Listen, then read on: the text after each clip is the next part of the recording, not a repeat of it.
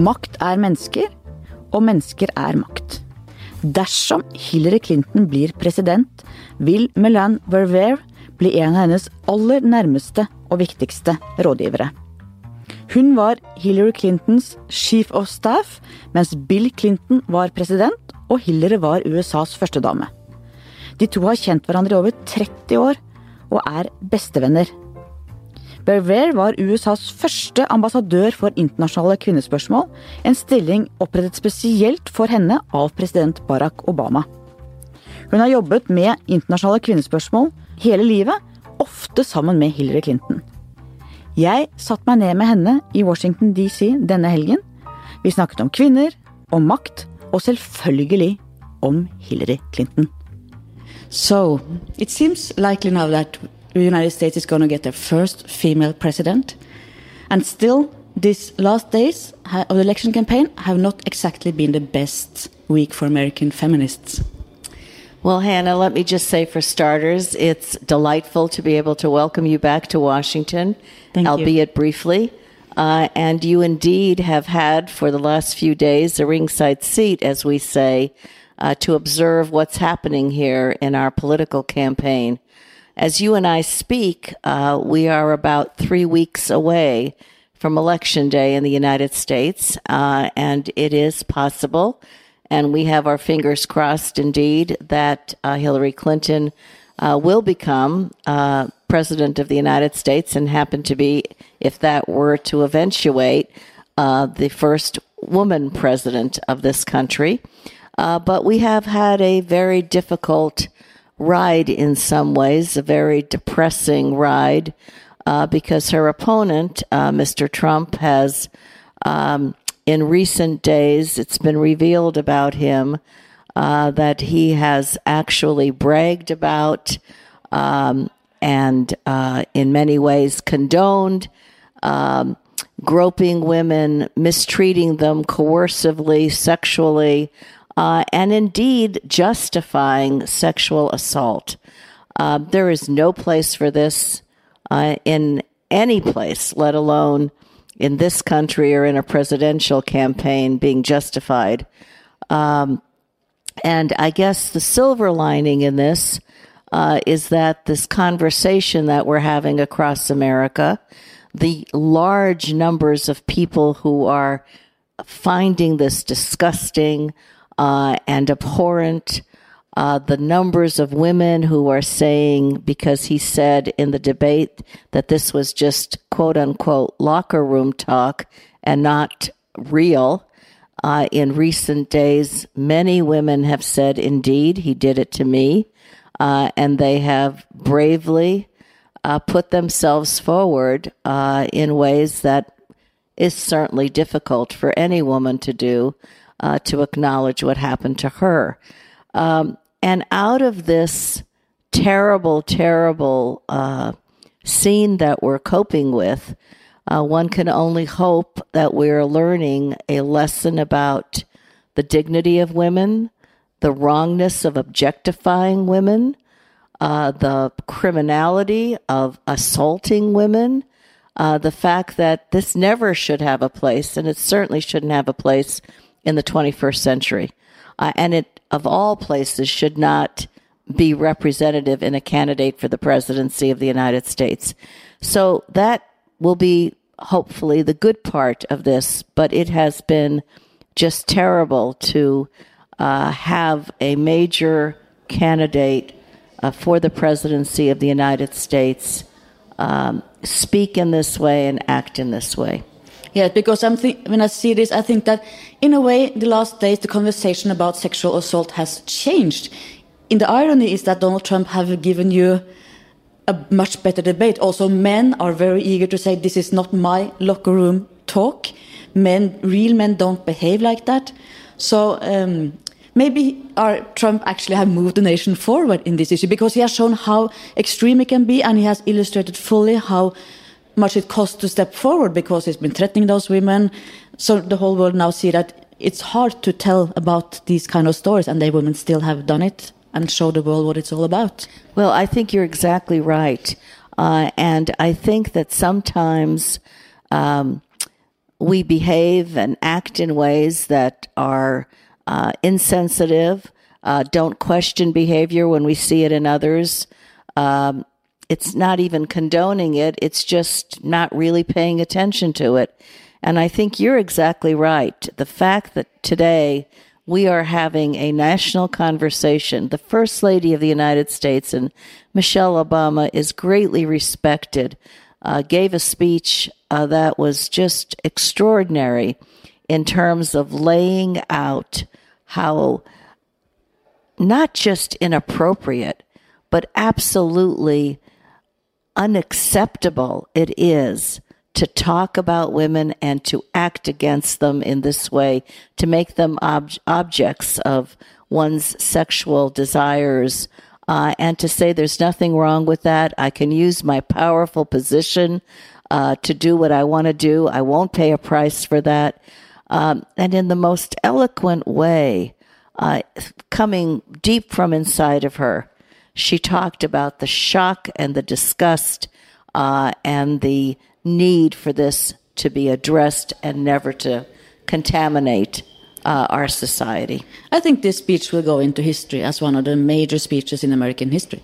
I think, Hannah, it uh, it has engendered an extraordinary reaction already, uh, and you know I have been in a position over many years now, uh, working on global women's issues. Uh, violence against women, gender based violence, sexual violence is a scourge around the world.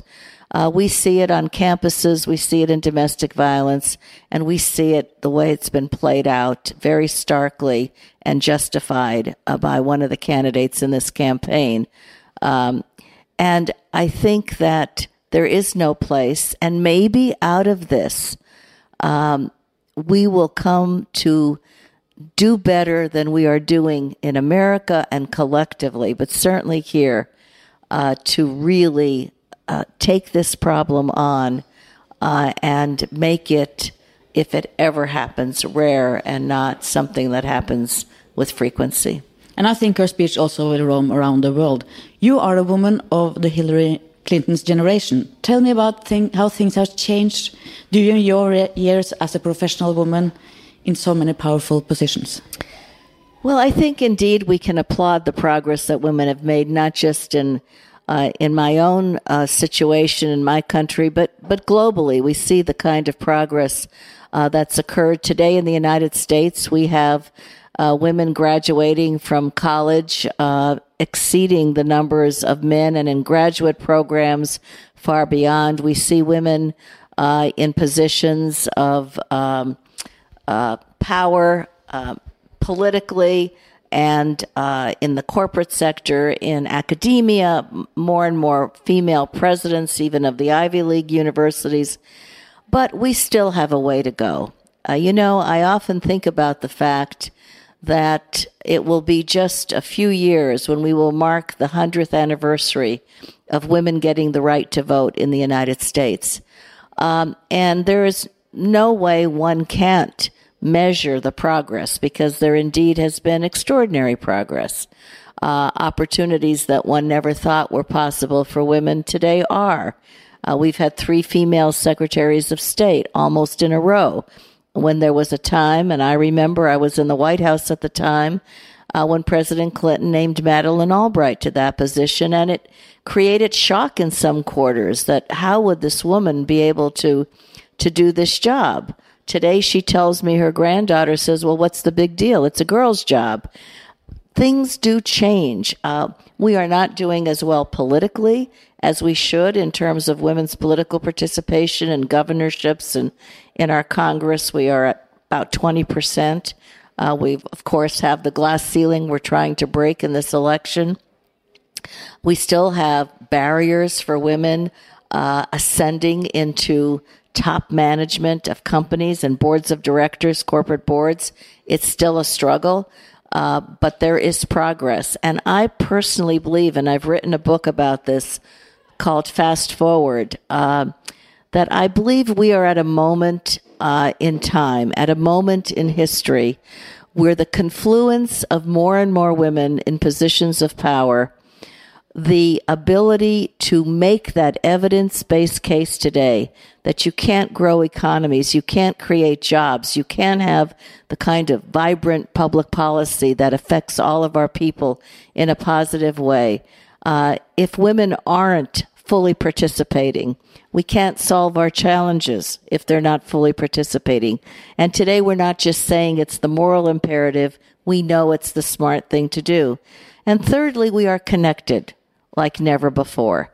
And I think the confluence of these factors in in present time and what I've seen in my career over the last um, several decades uh, is a time we all need to seize with the good men everywhere uh, to really um, exponentially grow the progress we've made and not wait another hundred years uh, for another barrier to fall. And it's also a question about critical mass that you have to be at least one third of one gender in order to really make a difference. And you have the issue of unconscious bias that we talk a lot about in Norway, uh, that we are seen through different lenses than men are. Barack Obama, who compared Hillary Clinton to uh, Ginger Rogers, saying she had to do the same as Fred Astaire, but with her high heels and uh, backwards. Uh, and I heard that she said that she appreciated that comment very much and he knew what he was talking about being the first African American president. Have you ever felt like Ginger Rogers? Well, I think all women do in many ways, and particularly uh, as we come into positions where we are more rare than commonplace. Uh, but I often use that quote about Ginger Rogers because I think it is so true. She did everything Fred Astaire did when they were dancing together. But yes, she had to do it in high heels and she had to do it backwards.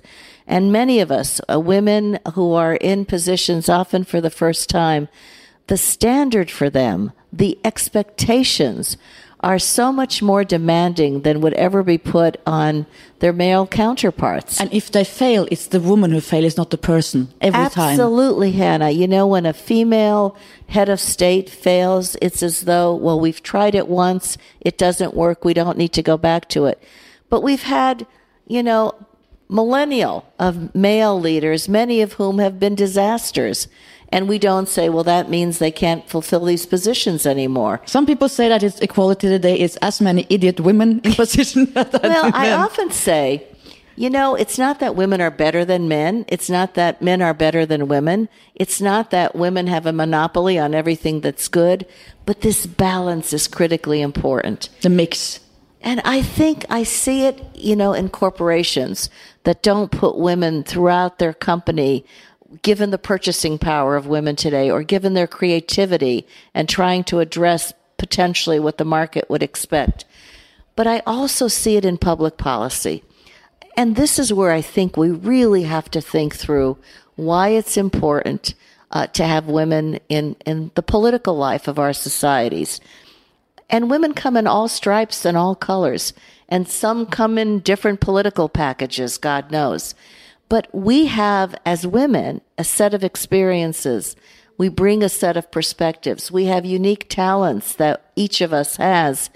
And if they don't enter the political domain, where policies are made every day that affect all of us, uh, I think we d- diminish the impact of our public policies. And more and more studies are showing the women, for example, in the lowest level of politics in India, the Panchayat women, what their numbers now represent uh, for, as one person called it, the, the quiet revolution of democracy in India because they have used public resources in ways that raise up their communities, that focus on sanitation, education, health, the needs. Uh, so we are d- not just shortchanging women, we are shortchanging our prospects collectively. And as you mentioned early on in this broadcast, you know, I'm at Georgetown University now where we have an institute that focuses on the role of women in peace building and post conflict reconstruction uh, in all of the aspects of security, uh, whether countering extreme violence or focusing on climate, which will be the source of the conflicts to come if we don't address it. And, and I'm so delighted always to have uh, as a partner in so much of this uh, the Norwegian government and Norwegian people uh, who really, as I say, get this. But you see this over and over where if women were at the peace tables where the agreements were made, we wouldn't be seeing those agreements fail, uh, being abrogated very shortly, or having recurrent conflicts because the perspective that they would bring of issues that have to be addressed at the local level where life is lived would be brought to the table and addressed. And we see that's the difference women have made even in these processes. So I think we really have to understand what we are giving up when we don't have uh, that critical mass that you mentioned uh, present uh, in our development of public policy. And what makes me quite mad, I see it also in my own company and our mother company. When we discuss why do not women enter the, uh, the executive level, they always invite women to talk about it. But this actually it is the men's problem. I have said that it should be the men, the CEOs, the executive boards that should be discussing it and address it in a as a, in a professional way, as a business case about lost opportunities because of lost talent. But I always think it's the women who should discuss it, and I, it really makes me mad sometimes. Well, I'm with you, and I feel similarly. And this non-recognition of the diversity advantage, the true advantage, as you said so rightly just now, uh, what comes to business as a result of this? This is not a favor to women. And, you know, when working throughout the years, particularly with Secretary Clinton, uh, most recently, but earlier, um, we, we began to understand this is a moral imperative. This is the right thing to do. Gender equality may be indeed the issue of the 21st century that has to be addressed once and for all. But the reality is that so many of the decision makers, the ones that you just mentioned collectively, are skeptics or unwilling to do what needs to be done. Which is why we focused so much on the evidence based case. Because if you demonstrate this is about the bottom line, this is about effectiveness, this is about profitability, the discussion changes. It shouldn't have to be that way. Uh, but in the end, it's got to be seen not as a women's issue, but the fact that when women make progress, we're all going to progress, make progress. Companies will be more profitable. Uh, public policy will be more robust and responsive, but we all benefit from this. And yet, you know, as you said so well, it is not the case so much of the time. And then there's this unconscious bias. You know, we often tell the story of uh, women who audition for orchestras, for example. Uh, if they are seen in that audition as the violinist, the cellist, whatever, maybe, maybe not, often not, she won't get the job. And more and more auditions are now taking place behind a curtain. And what are we seeing? That the talent rises to the top, not the unconscious bias of can a woman really play this violin better? It's so interesting. It's, it's so fascinating and dispiriting at the same time. Yes. You and Hillary Clinton have been friends for more than 30 years. Tell me how it all started. Well, it's very interesting because her husband, uh, and I were contemporaries. Uh, and my husband, we all met as students at Georgetown University many years ago. Uh, and over those years, he used to say to me, You've got to get to know Hillary. You've got to get to know Hillary. Uh, and one day, I can't remember exactly when it was, but she had, you know, from the beginnings of her post law school graduate career, she was deeply focused on the rights of children and started working back then with an NGO called the Children's Defense Fund that worked mostly with poor children in the United States. And she came to Washington one day. She was on the board of the Children's Defense Fund and she called and she said, You know, I'm going to have a little time. Uh, why don't we have lunch? Uh, and then I can tell Bill I met you. Well, we had lunch that I think went at least two hours. We both ran out of time. We had to get back to work. uh, but it was a conversation that could have gone on endlessly, and in some ways has gone on endlessly. Still going on. Still going on.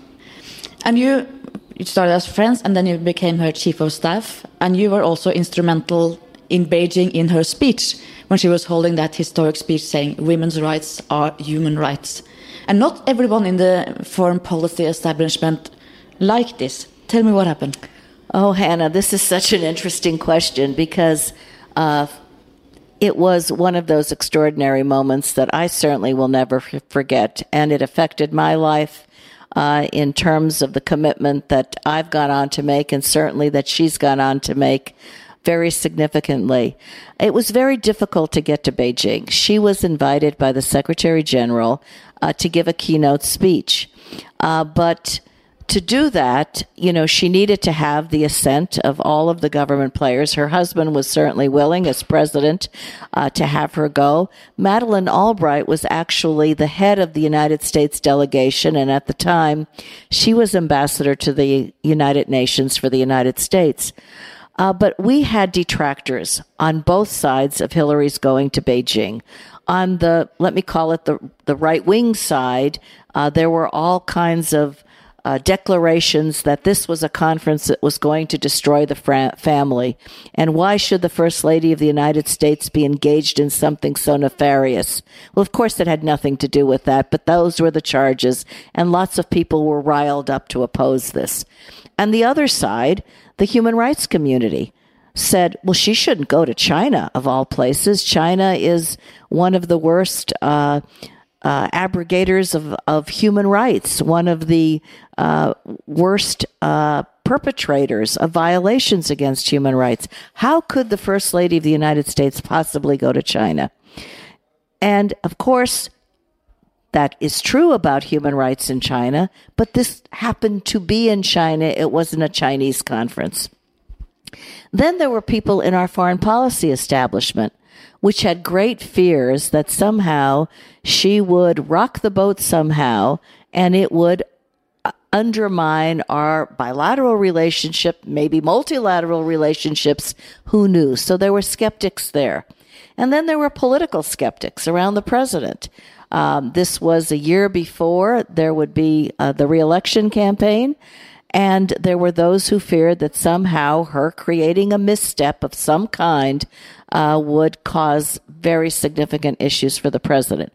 So you had this array of detractors, uh, and at and just as as we were preparing to leave, almost a couple weeks earlier, uh, a Chinese dissident was taken prisoner in China. And that seemed to be the last straw. There was no way she could go under those conditions. Fortunately, everybody worked. He was released. And literally, I think it was two days uh, before she was to be in Beijing, the green light went out and she was able to get on the plane to go. And she had said to us privately, I want to push the envelope as far as I can for women's rights. And you know, we're sitting here in 2016, and it seems what's the big deal? Women's rights are human rights. Something that is so obvious. Today. But today, but the fact, you know, this is all predicated on the fact women are human. Therefore, women's rights are human rights. And yet, human rights weren't, women's rights weren't chiseled into international human rights law we were still struggling. Uh, staff people told me in our State Department before the Beijing Women's Conference there were issues that you and I would never quibble about today are human rights issues that weren't even on the agenda of our human rights division because they were not they were women's rights that were not viewed as human rights they were not something that should be tackled um, and so for her to stand up there and to say uh, in this powerful speech uh, that nobody an- anticipated. Literally, nobody anticipated. In fact, the presidential spokespeople in the White House told the White House press don't expect her to rock the boat. don't expect anything out of the ordinary. This is not this is not going to be a big deal.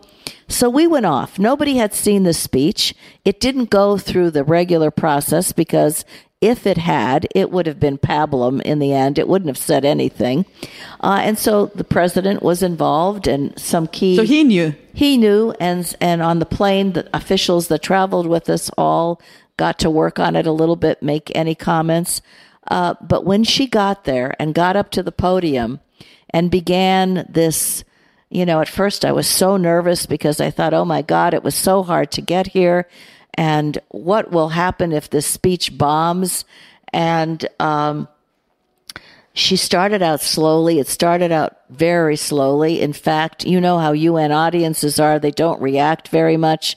And we didn't know. We didn't know what the reaction would be.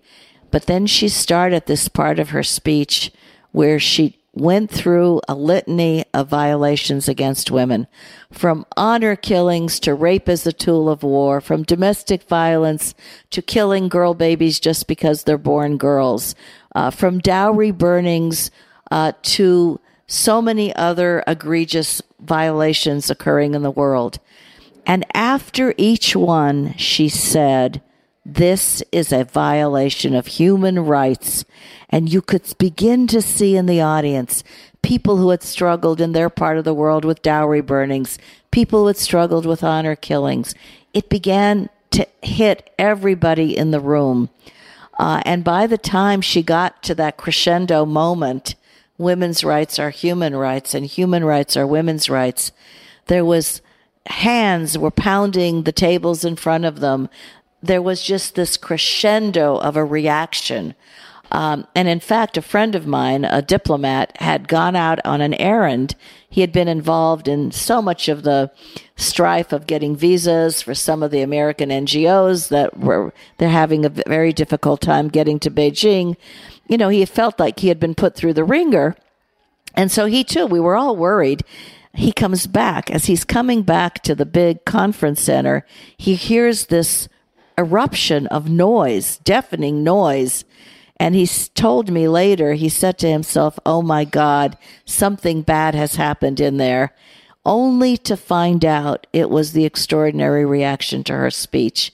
Uh, when literally we learned later delegations that were torn apart with differences, uh, some who opposed her, all said, You struck a chord that united all of us at that moment.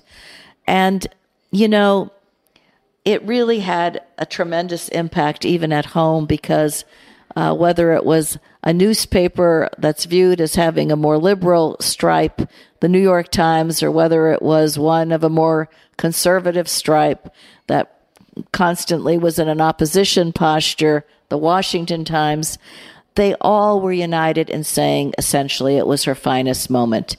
And, you know, to be a part of that. It must and, have been amazing. And well, she went there. She stood up for American values. She talked about what matters. But I I say that there is a consistency in Hillary Clinton. It didn't begin and end with Beijing. She has gotten and understood that you cannot write off one half of the population of the world. It is not right and it undermines all of anything that human beings, countries, companies, communities, whatever we aspire to. Uh, and she has really worked, and she continued to work on these issues. I mean, we worked literally day in, day out when she came back to the White House on so many issues on anti trafficking issues, issues having to do with girls' education, which wasn't the big banner issue it is today. Back then, it wasn't getting the kind of recognition it deserved as one of the single best investments that can be made in development. But still, I was going to ask you about exactly this international development because I found out some years ago how little of the international development aid that goes to education. The Norwegian government now is doubling it in the year's budget from 5 to 10 percent. And I think we've been around 2 3 percent. And I keep on thinking if we had started from the beginning with development with education, I think the world would have been much more, much, much different. A different well, world. I, I really applaud uh, Norway for what you've done, and but I, it's little. It's still little, ten percent. I know, but our whole development budget is about one percent of our total budget. But in those years, in the in the mid '90s, this was hardly an issue that was on the table.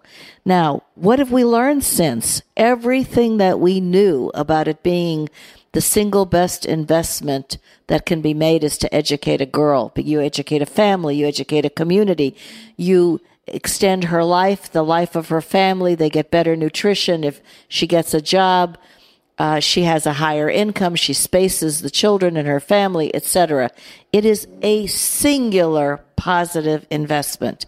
And you're exactly right. If we made uh, it in a way that it got to every girl, but not just put her in school, put her in school where she got a decent education, that she came out of elementary school able to write and compute, but that she goes then to high school, to secondary school, where there are still such a small number of girls in secondary school. Um, and, and the fact that we have to enable and provide incentives to keep them in school because so many have family pressures that for one reason or another, either the girl is undervalued or the family sees that what is this education worth? They don't see the value for themselves even. Um, and there are all of these examples every single day, whether happening in refugee camps or happening in countries where girls are pulled out of school. Uh, and girls are threatened with sexual violence in many places. Uh, they face all kinds of challenges. Uh, and I think we not only have to get them to school, we have to work to keep them in school. So let's go back home. I was in Louisiana these days and I met no, almost no Clinton people. I mean, and those very few, they were not out loud about it, they were in secret. Uh, and then I came back here and had uh, dinner with my Washington friends. None of them have any friends that's going to vote for Trump. How do you explain this? We have a great polarization in our society. Um, you know, we've always had, you've probably heard reference to the red states and the blue states. Louisiana is a red state. This area around Washington is a blue state area.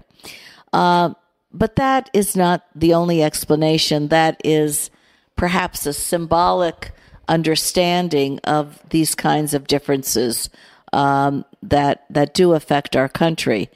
Um, and, you know, when President Obama ran for president, uh, he basically said he had hoped that the red states and blue states would be behind us and then we'd all be one. And what's happened in this campaign is something that I am greatly worried about, and I know that worry is shared.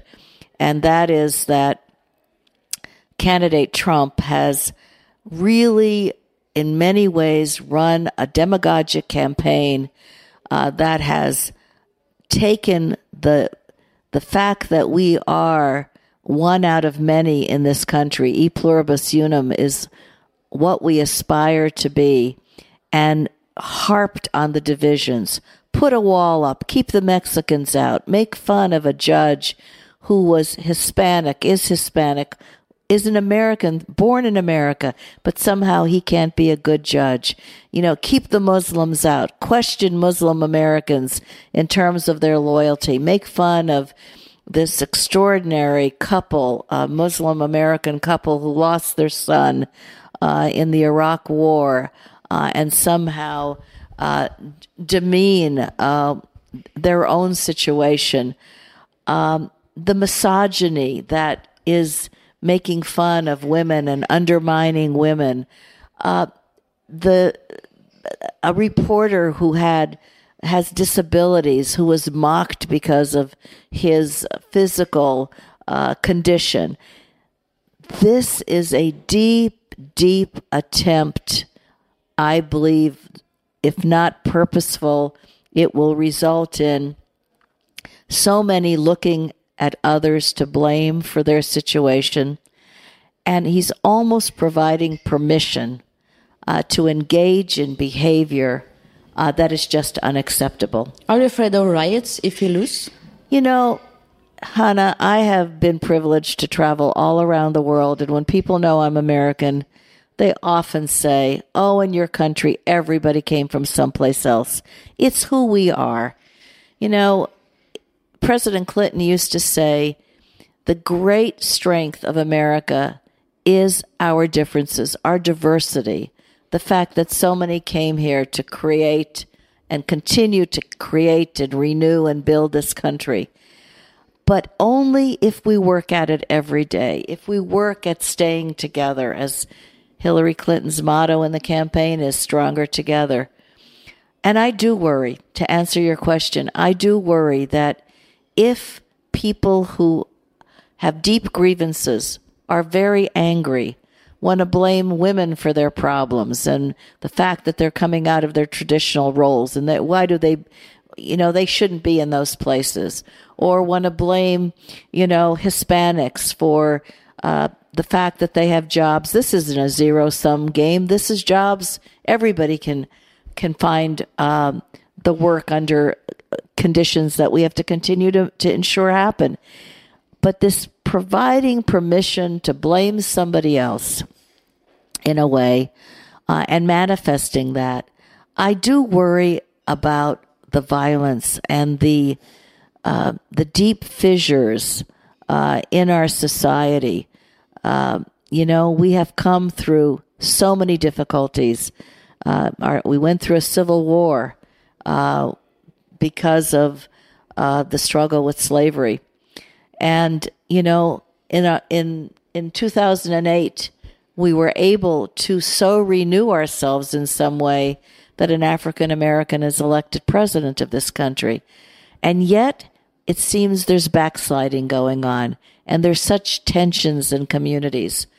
Um, Hillary Clinton said yesterday, and it's something I'm sure that is much on her mind as well, that she does worry too uh, we all should be worried about what will happen to us uh, if we don't work at healing, at coming together, at ending gridlock, at p- stopping pointing fingers at each other, blaming each other. Uh, but we really do need to come together. Uh, and this campaign has exacerbated the tensions, exacerbated the differences. But what struck me in Louisiana is I met uh, well educated, smart, very nice people. They didn't exactly like Trump, but I thought he was the lesser evil. And the hate towards Hillary Clinton. I talked to one person who is sure about that she's uh, responsible for killings back in Arkansas, and they were simply not trusting her. And they were not. They were not like my friends in Washington think they are. I mean, they were nice, warm. You are from the Rust Belt in Pennsylvania. You know a lot of different Americans. What is this hate and mistrust about? You know, I I think over the years, um, Hillary Clinton has had large numbers of detractors. First of all, there were those who saw, uh, you know, her as a power figure as first lady. Uh, and they didn't like that fact. You know, we used to hear, Who elected you? Uh, why are you involved like this? Um, the position of First Lady is not something that you get except by virtue of your marriage to the president. There is no job description. You want to do the best, as she certainly did and did, um, for the, for your country to to to, to make a difference. Um, yet during that time, she was pummeled in so many ways, with charge after charge after charge. Uh, t- at one point, she had said to me, she was reading the newspaper, and she she put it down and she said, you know, it was about her, some article. She said, I wouldn't like this person either that they've portrayed. It made, it was not representative of the reality. And none of these charges ever resulted in anything. But they begin for those who want to believe, who those who are conspiratorial, or for whatever reason she's she's power hungry. She's whatever they persuade themselves of. She's she she shouldn't be in this position to do these kinds of um, important things. And they build a, a picture of her in their own minds that have been fammed by her detractors. And there are many who have made a full time industry of um, finding fault with her. Uh, I think it's had impact. I think it's definitely had impact. And she does have those who. Um, who will not, under any conditions, support her. But what impact did it have on her? I mean, did she get scared of all this? It must have been Well, you know. I was in situations with her in those White House years when at one point she was, uh, you know, a, a, an image of her was hung in effigy. We were on a trip uh, on healthcare reform uh, when the Secret Service told me that there is a potential for for uh, an incident to occur where she was to make a speech outdoors and the contours of the whole speech staging had to be changed and then i as the car afterwards was going into a garage you saw these angry ugly faces screaming at the car um, the the angriest of men I've ever seen, and it stayed Only with men. me. Only men. Yeah, the, in this case, it was men. Uh, but you know, there are there are women who are her d- detractors as well. Um, I certainly don't think she deserves this. I certainly believe that these people are uninformed, and you know, they clearly want to believe what they believe. But there are so there is a whole industry um, that has uh, really focused on her in ways uh, that certainly don't comport to reality. You know, it's one thing not to support somebody because you have political differences, and that is the territory of politics. Everybody's not going to agree. Women aren't going to support any woman for office. You want to support somebody who you think espouses what you believe in, your values, what you think is good for the country. Uh, but just because she's a woman, you wouldn't support her. This goes beyond. This goes well beyond that kind of lack of support for somebody on on the basis of policy uh, or other legitimate issues. A lot of this really is is just a view that is out there. What impact did it have on you to see your best friend treated like Well, this it's- year it's- in and year out? It's very it's it's very upsetting. Uh, you can't say it doesn't bother you, uh, but you do have to stay focused. There are plenty of other people, countless other people, who are in a very different place. Uh, but I think for her, I mean, she's she's somebody who is in the political fray now, uh, which, as she said, even though she didn't run for office uh, when her husband was president, she was in the political fray. She bought into it uh, much as he did. That she did run for office in the Senate, so she's been a very public figure. And she often would say that Eleanor Roosevelt once counseled that you have to develop the skin of a rhinoceros uh, in this business. You really do ha- need a thick skin. But to say, even with the thick skin, that you can get through it sometime, it is hurtful. Uh, it is somehow you have to be strong enough not to let it keep you, demobilize you, get in your head, uh, and affect you in some kind of a negative way. But it is not easy. Has she become different, harder? Do you see a change during all those No, years? I don't. I don't see her as harder. Uh, I do think that one of the things that happens, and there's been much commentary about this, is why isn't she more self-revelatory, if you will, just talking about anything? And I think um, there there was there were so many times uh, early in those White House years when she would say something that was so grossly misinterpreted uh, that uh, you begin to say to yourself, well, I don't know what they'll say. So you think you're saying something that is totally um, either unconsequential or uh, something that just makes a whole lot of sense and it's misinterpreted. And I'll give you an example. Um, early on, uh, in the president, her husband's presidency, her father was dying, and uh, she was at his side in Arkansas, and she uh, had a commitment to make a speech uh, in Texas, and um, she wanted to keep that commitment because the woman to whom she made it was counting on her. There were large numbers of people coming, etc. And I asked her at the time, I said, do you want, and do you want any help? Do you want any materials for this speech? Do you want, um, do you need anything? And she said, no, no, I'll just think about what I'm going to say as I'm leaving my father's bedside and flying out for a few hours and then I'll be right back. And she gave a speech, um, that was really about what life is about. You know, and she, you know, raised the, specter of politics and and where we think without abandon about nasty things we say about others.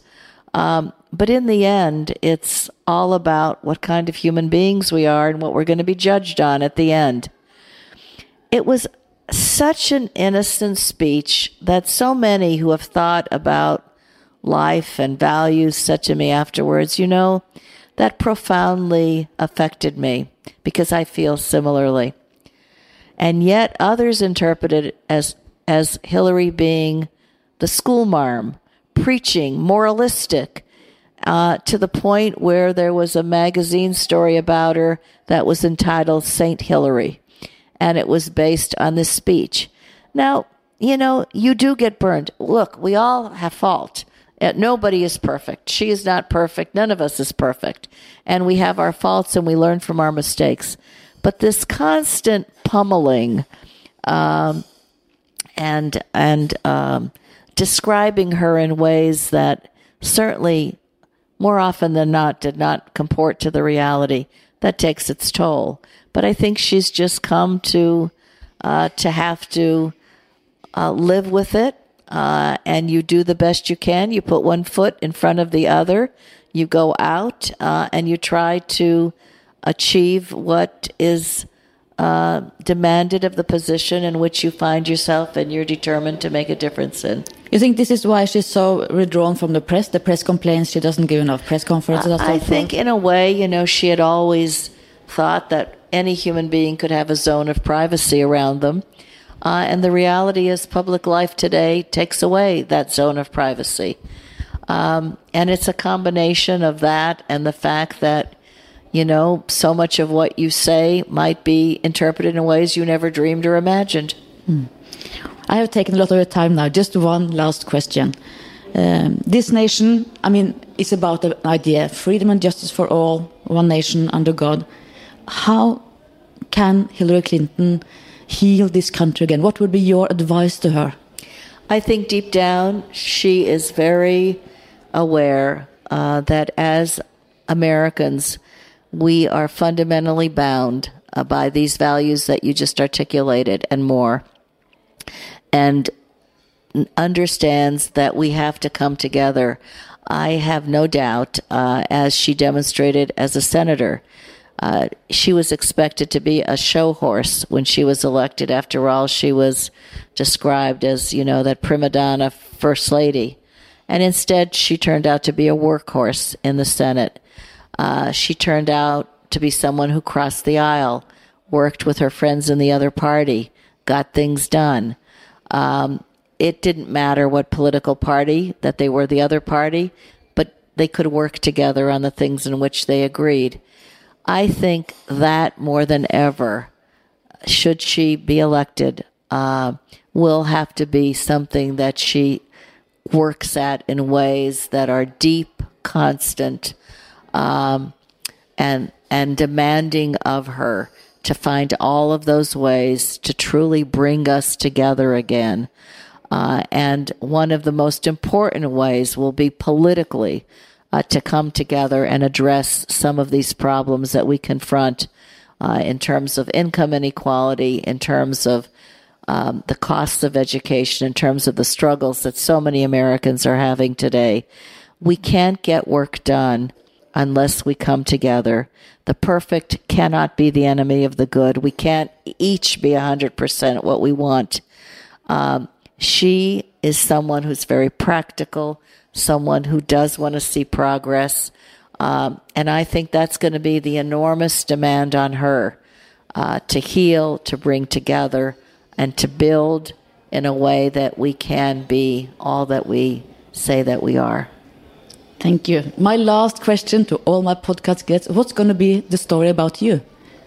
Oh, I don't know. I think hopefully the story about me will be that she will continue uh, what she has tried to do over the last many, many years uh, to chart uh, that progress for women and girls around the world uh, in all of the ways that I can do it, whether through multilateral organizations, uh, in government, in NGOs, in academia, but to constantly uh, work with so many other um, and and certainly many Norwegians to continue to both understand, promote, and most importantly, uh, to continue to make some kind of contribution in this space. Thank you so much for sharing this time with me, and good luck with all your important work. Thank, Thank you, you so much, Hannah. I've enjoyed it.